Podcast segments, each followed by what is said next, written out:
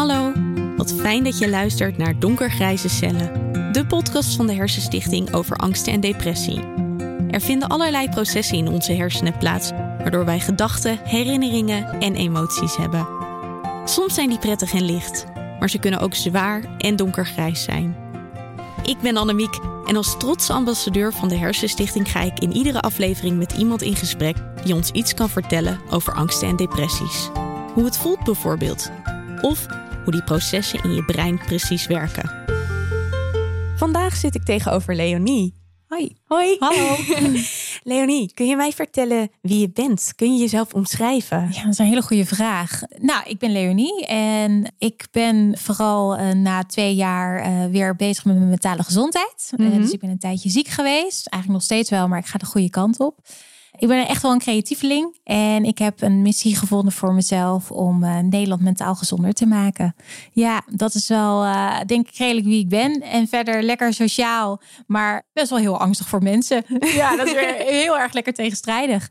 Maar uh, ja, ik denk vooral wel mensenmens. Een mooie paradox. Nou, er zijn al meteen een heleboel vragen die ik ja. zou willen stellen. Maar de openingsvraag is: wat betekenen jouw hersenen voor je? Ja, dat is wel echt mijn motor. Ja, en sommige momenten mijn ergste vijand en tegelijkertijd mijn beste vriend omdat ik hem nodig heb. En ik denk wel toen ik ziek werd ook in 2018, ik heb zelf ook gestudeerd tot dramatherapeut, dus ik ben altijd wel gefascineerd geweest door het brein. Denk ik wel dat ik wat meer begrip heb gekregen voor mijn eigen brein. Jij zegt uh, al twee keer van ik ben ziek geweest. Ja. En je zegt soms zijn mijn hersenen mijn ergste vijand. Ja. Vertel, ja. wat is er gebeurd? In 2018, was echt begin maart, ik zat echt niet lekker in mijn vel. En het liep steeds hoger op, hoger op. En uiteindelijk ging ik naar de huisarts. En eigenlijk kwamen we daar al door een simpele, eenvoudige vraag van de huisarts tot de, conclusie dat ik waarschijnlijk echt wel een zware depressie al had. Dus ik heb het veel te hoog op laten lopen. Ja, en de afgelopen twee jaar waren zwaar. Ik, ik mag dan nu zeggen dat ik depressievrij ben. Dus daar ben ik echt onwijs trots op. Maar ik heb wel twee hele zware jaren achter de rug. Kun je die omschrijven? Nou, ik denk zeker in 2018 toen ik, uh, want op een gegeven moment, ja, je belandt op allerlei wachtlijsten en je komt thuis te zitten en het masker wat ik altijd voorhield, dat het allemaal goed met me ging en dat ik een goede baan had en een mooie auto, moest ik opeens gaan zeggen, ja mensen, ik zit ziek thuis en ik zit volledig ziek thuis, ik kan ook echt helemaal niks. Dat vond ik heel, een heel moeilijk moment om dat masker af te moeten zetten. En dan moet je opeens thuis toch zorgen dat je de dag doorkomt. Ja, en ik heb ook twee keer helaas ook wel echt op het kruispunt gestaan van ja, wil ik dan nog wel leven, ja of nee?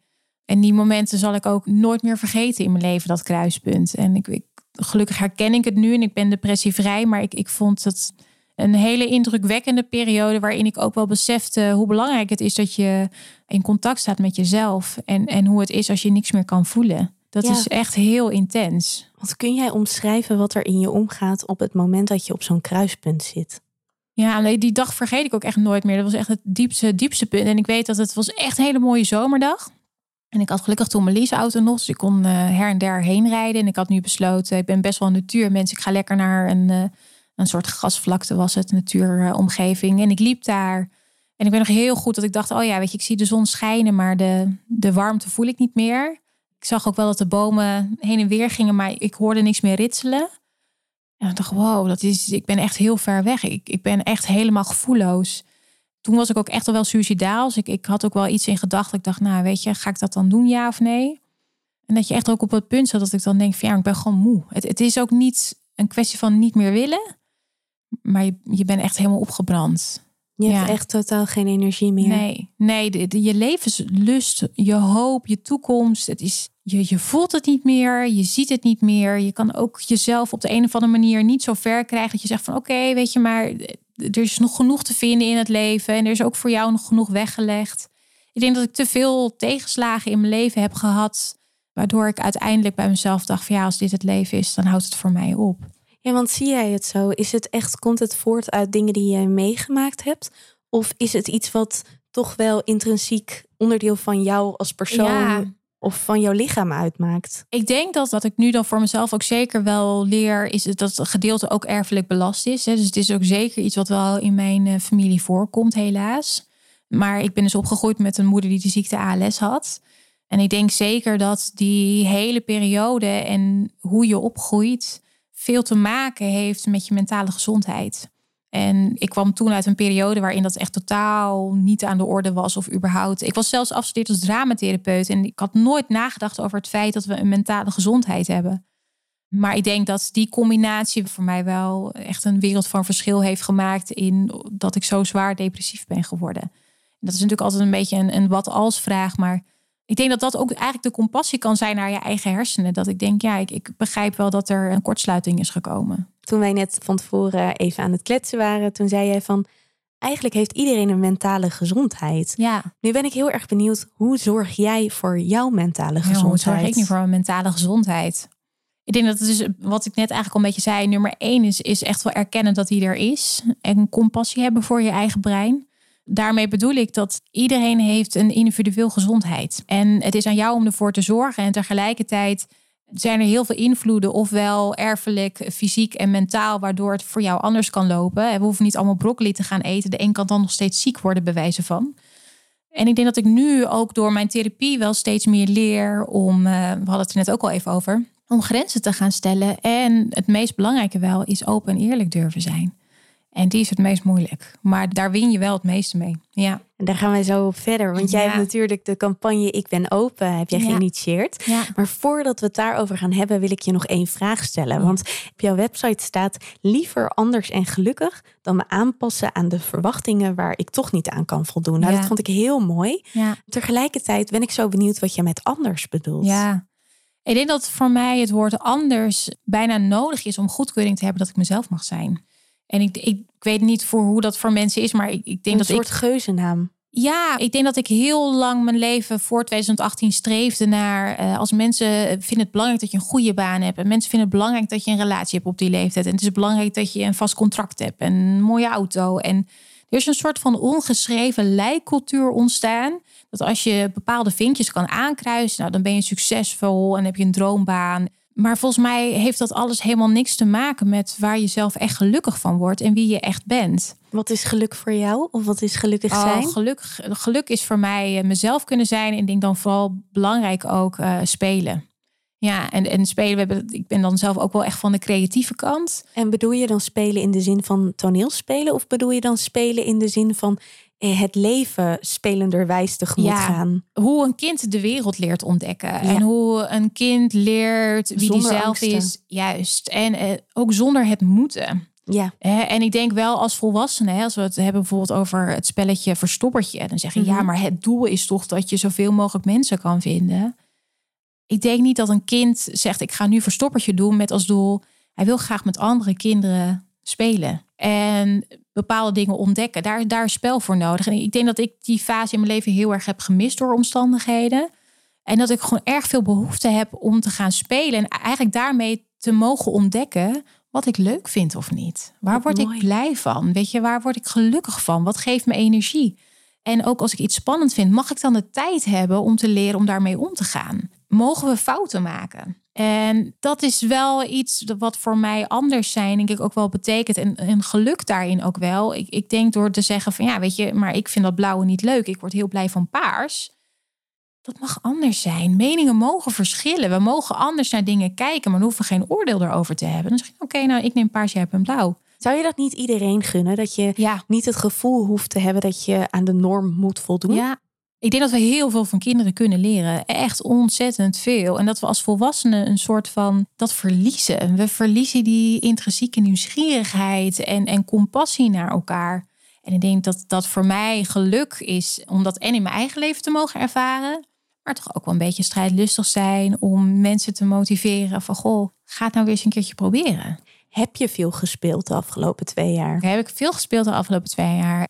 Ik denk dat ik nu op het punt zit dat ik durf te gaan spelen. En hoe ziet dat er voor je uit? Hoe ziet spelen er bij Leonie uit? Hoe ziet, uh, nou, bijvoorbeeld dat ik dan bij uh, een uh, betaalbare winkel, laten we het even zo noemen, verspullen haal. En dan ga ik wat verven. En in plaats van dat ik dan denk, oh, het moet gelijk mooi zijn, denk ik, nee, ga maar gewoon verven. Zet maar gewoon je kwast op papier, ga maar doen en kijk maar wat eruit komt.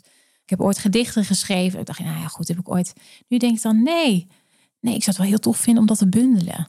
Ja. En dat is ook spelen. En dan gaat het er niet om dat ik heel veel boeken ga verkopen. Nee, ik zou het voor mezelf heel tof vinden om één exemplaar te hebben. Dan denk ik zo, dat heb ik dan toch maar even gedaan. Dat, dat vind ik leuk. Nou, theater maken ben ik al mee bezig. Uh, ik ben open ben ik mee bezig. Dus zo ziet dat er een beetje uit. Klinkt als iets waar je heel veel energie van krijgt. Ja, ik kijk er ook echt enorm naar uit. Dus ik ben open is voor jou ook een beetje spelen. Want wil je iets meer vertellen over wat ja, hashtag zouden we moeten zeggen ja, volgens de, mij. hashtag, ik ben open. Uh, ja, ja, ja, dat is, en ik moet zeggen, ondertussen zijn we zelfs al een beetje aan het uitgroeien naar, naar echt wel een, uh, ja, een bekend netwerk bijna. Die, die, die ook echt wel verschil maakt al uh, in de praktijk. Eigenlijk is het belangrijkste van ik ben open toen ik werd gevraagd in 2018 toen was eigenlijk vooral het idee om die mentale gezondheid bespreekbaar te maken. En toen de tijd gebruikten we eigenlijk nog eens het woord mentale gezondheid. Ja, we willen gewoon openheid over psychologie. Dat was eigenlijk een beetje de insteek. En ik denk, daar komt het spel voor mij. Dan word ik nieuwsgierig en dan ga ik met mensen in gesprek. En dan ga ik ook steeds meer denken: oké, maar zo zou ik het bekijken en zo werkt het. En zo ontstonden uiteindelijk de plannen om in oktober nou Nederland te gaan verbinden. Vanuit een gemeenschappelijke deler om mentale gezondheid bespreekbaar te maken. Dat is echt mijn visie, dat iedereen heeft een mentale gezondheid. En als we daar niet goed voor zorgen, dan krijgen we psychische klachten. Dat is hetzelfde als met een fysieke gezondheid. Kan je ook fysieke klachten krijgen. Dus we gingen bij heel veel bedrijven benaderen van... Goh, zouden jullie op 10 oktober een cirkel op de hand willen tekenen? Een imperfecte cirkel en daarmee een boodschap uitbrengen dat het belangrijk is dat die beweging op gang gaat komen. Dat we het erover gaan hebben. En ik weet nog dat ik dat toen opperde. Dat heel veel mensen zeiden, ah Leo, dat, uh, dat gaat niet lukken. Joh. Dat is allemaal lastig en moeilijk. Ja, dan moet je dan niet tegen mij zeggen. Want daar, uh, daar ga ik goed op. Dan denk ik, oké, maar dan, dan dit, dit gaat me lukken. Daar werd je niet onzeker van? Nee, want als ik ergens in geloof, echt, echt in geloof, en dan ga ik er ook voor. Dat is wel echt mijn kracht. Je ziet het ook in je ogen op het moment. Ja, ik geloof daar echt in. Ik geloof, maar ik geloof echt dat er zijn altijd heel veel dingen waar we het niet over eens zijn. Maar het gaat erom dat je dat ene kan vinden waar je het wel over eens bent. En dat is denk ik de kracht van ik ben open. We zijn het er allemaal over eens dat mentale gezondheid belangrijk is. That's it. Dat is de basis. En als we het dan hebben over bespreekbaar maken, daar moeten we het dus over gaan hebben. En daar komen bij aannames, meningen, ervaringen, positief, negatief, maakt niet uit. Maar wat ik wel heel mooi vond, dat had ik ooit een keer bij Netflix opgepakt, dat een mevrouw ook zei van als je iemand zijn mening of visie wil veranderen, dan moet je eerst weten wat het is. En dat is eigenlijk waar we nu mee bezig zijn. En die uh, campagne is er natuurlijk geweest. Ik heb zelf ook meegedaan uh, met uh, het cirkeltje op mijn hand. Ja. Supergoed. Er zijn zoveel initiatieven op het moment op het gebied van mentale gezondheid. Wat super fijn is. Maar ik merk dus ook dat ik ben open bijvoorbeeld iets is wat door anderen ook opgepakt wordt. Ja. Zie je ook al kruisbestuivingen? Zie je ook al samenwerkingen voorkomen? Ja, zeker. Ja, en dat vind ik wel heel tof om te zien, zeg maar, in de afgelopen, nou ja, nu anderhalf jaar, denk ik. We werken ook met steeds meer projecten samen.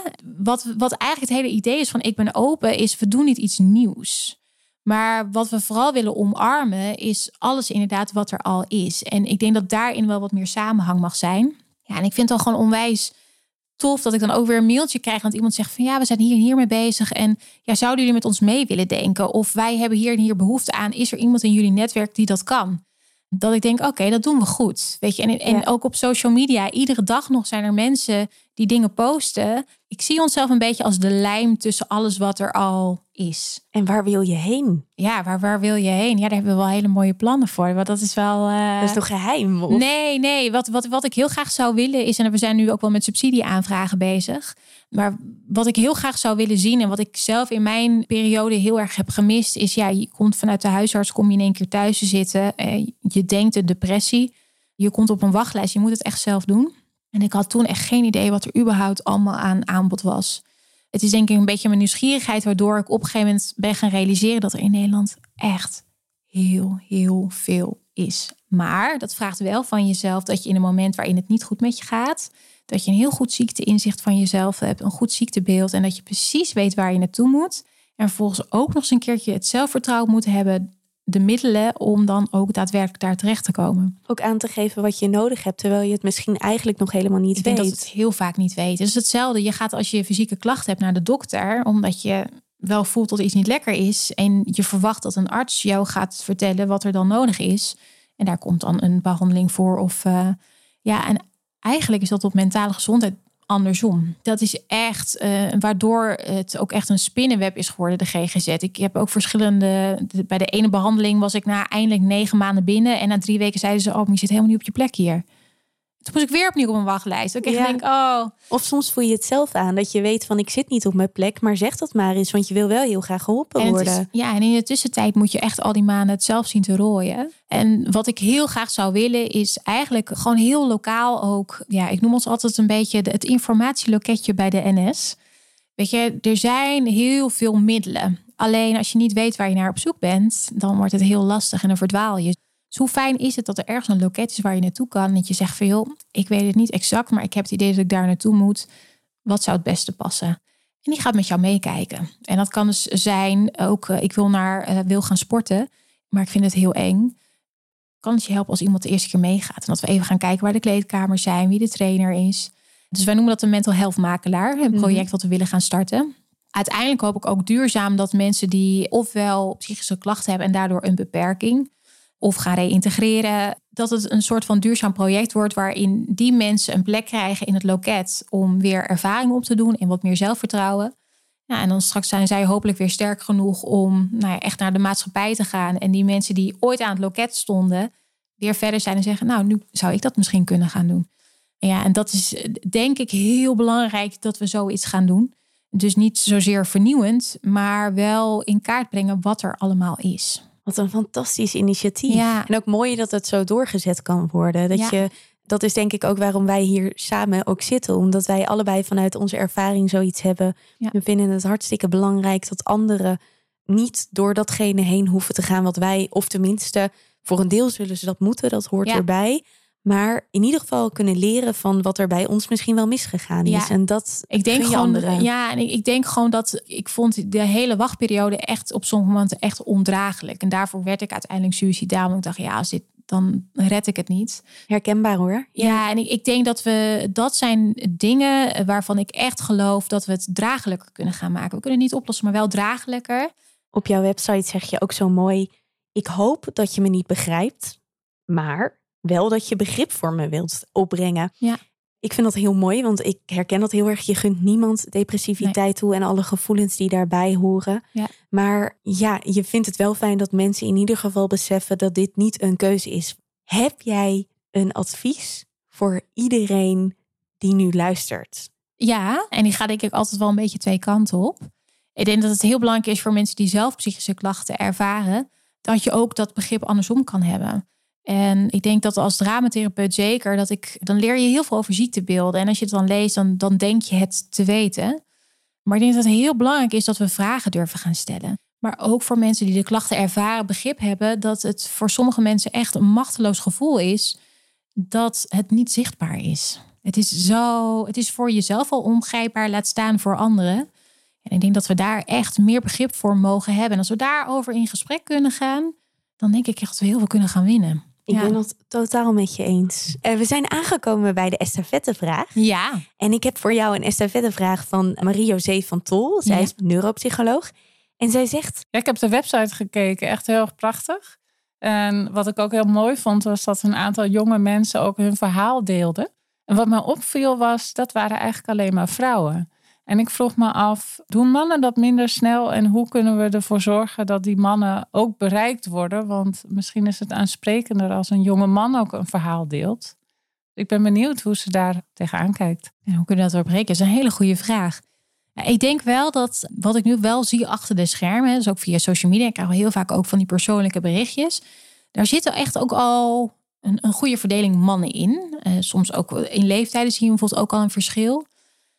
Ik denk wat het meest lastige nog is, en ik begrijp hem zo ontzettend goed, is dat mensen wel open willen zijn, maar heel bang zijn voor de consequenties. En die consequenties kunnen ook zijn dat een werkgever er wat van vindt als je laat gaat solliciteren. En dus ik denk dat dit weer een hele goede vraag is ook.